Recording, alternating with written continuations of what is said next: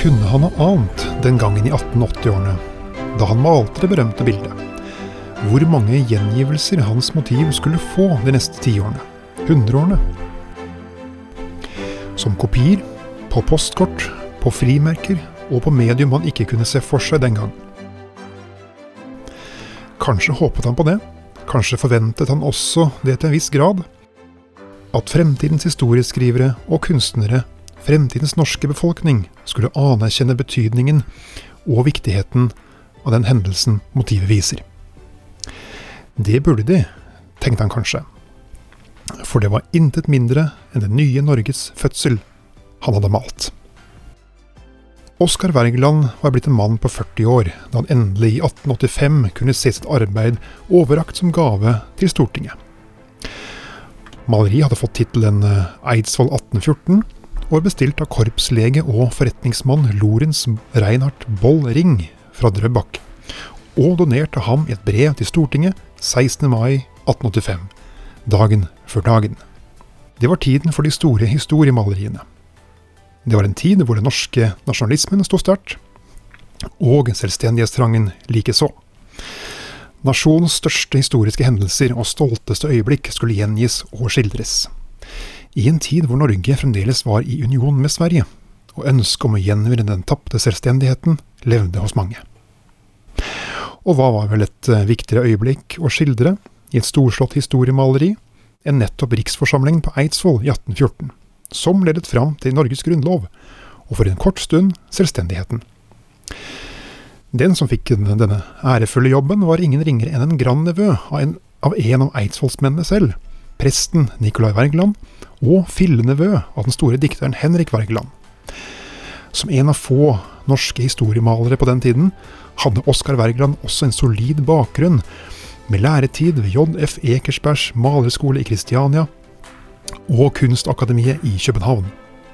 Han hadde også studert malerkunsten i München, og der bodde han nå.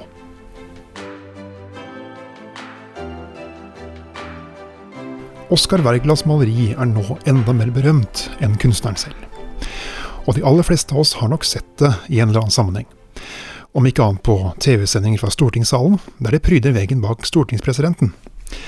Eller kanskje har man sett det på et brev eller postkort, for som nevnt er det kjente motivet også å finne som frimerke, i tillegg til som så mye annet. Det som også kan tenkes, er at hvis man er fra Sarpsborg og husker 17. mai-feiringen på torget før år 2000, så husker man kanskje nettopp også det kjente maleriet. Da eidsvollsmennene prydet byens torg på festtribunen de fleste grunnlovsdager mellom 1914 og 2000.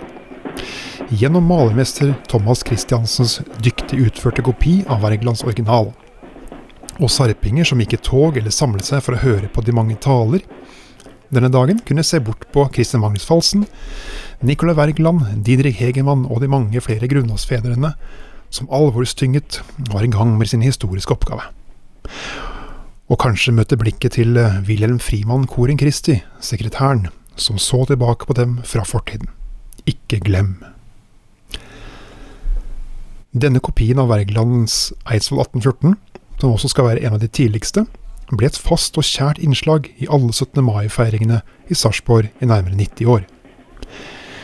Det vil si, det er faktisk snakk om to bilder.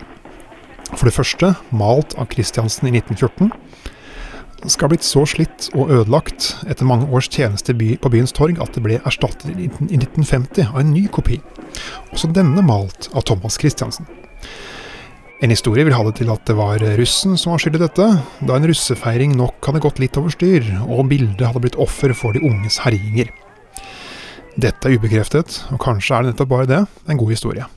Det som er sikkert, er at det nye maleriet av eidsvollsmennene nå ble sentrum for oppsatsen på festtribunen, og førte tradisjonen videre helt opp til det nye årtusen. Når det ikke var i tjeneste på grunnlovsdagen, hang det på Borgarsyssel museum i Sarpsborg. Men i år 2000 var det slutt på utlandet av maleriet. Da var det også blitt så slitt at det ikke var forsvarlig å stille det ut på torget noe mer. Og maleriet ble plassert i magasinene på Trollhull i Mysen. Der er det den dag i dag, og hvis man vil, kan malermester Christiansens verk besøkes og beskues av publikum etter henvendelse til museet. Det har også vært tradisjon for å ha åpne dager ved magasinet, der man kan komme og få se. La oss håpe at det blir mulighet igjen. Maleriet Eidsvoll 1814 viser som kjent arbeidet med Grunnloven under riksforsamlingen på Eidsvoll i 1814. Der ser vi mange, men ikke alle, av de 112 representantene. Og kjente menn som nevnte Christian Magnus Falsen med flere. Men det viser også en spesiell dag, nemlig den 11. mai 1814. Den dagen ble grunnlovsutkastets eh, siste paragraf, paragraf 115, lest opp og vedtatt. Den ble senere til paragraf 110 og omhandler endringer av Grunnloven. Det var et forslag om at Stortinget ikke skal kunne vedta grunnlovsendringer uten videre. Et forslag om endring av Grunnloven må leveres inn til ett storting, og så skal neste nyvalgte forsamling vedta eller forkaste forslaget. Maleriet var på denne måten et innspill i en politisk debatt som pågikk i 1880-årene, og også lenge før den tid nemlig om innføringen av parlamentarismen. Venstresiden var for at regjeringsmedlemmene skulle møtes i Stortinget. Høyresiden var imot. De ville ikke at kongens regjering skulle underlegge seg den folkevalgte pøbelforsamlingen på Stortinget, slik man kalte det. Mannen som bestilte bildet av Oskar Wergeland, korpslegen, skogeieren og forretningsmannen Ring, sympatiserte med den siste gruppen. Derfor ønsket eh, han å fylle det med en politisk mening. En advarsel om dette såkalte pøbelveldet.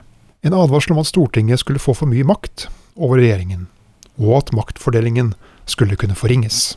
Men da maleriet ble hengt opp på Stortinget i 1885, hadde maleriets innhold mistet litt av sin politiske slagkraft, for det kom bitte litt for sent. For regjeringen hadde da allerede kunnet møte opp i stortingssalen siden året før. Parlamentarismen var i ferd med å innføres. Det som leder oss til å anslå at det er nettopp dette maleriet handler om, er det lille stykket papir som den sentrale skikkelsen i motivet holder. For i sentrum står Christian Magnus Falsen, kalt Grunnlovens far, og leser opp utkastet til Grunnloven. Og der kan vi så vidt ane at det står paragraf 115.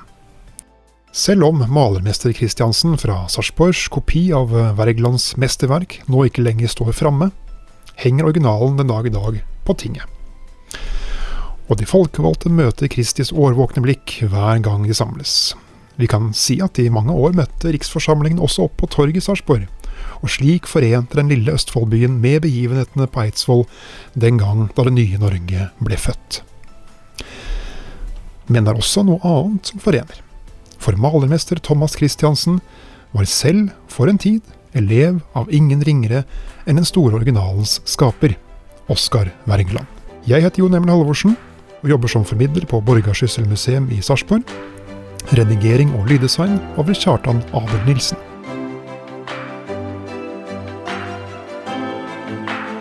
Gratulerer med dagen.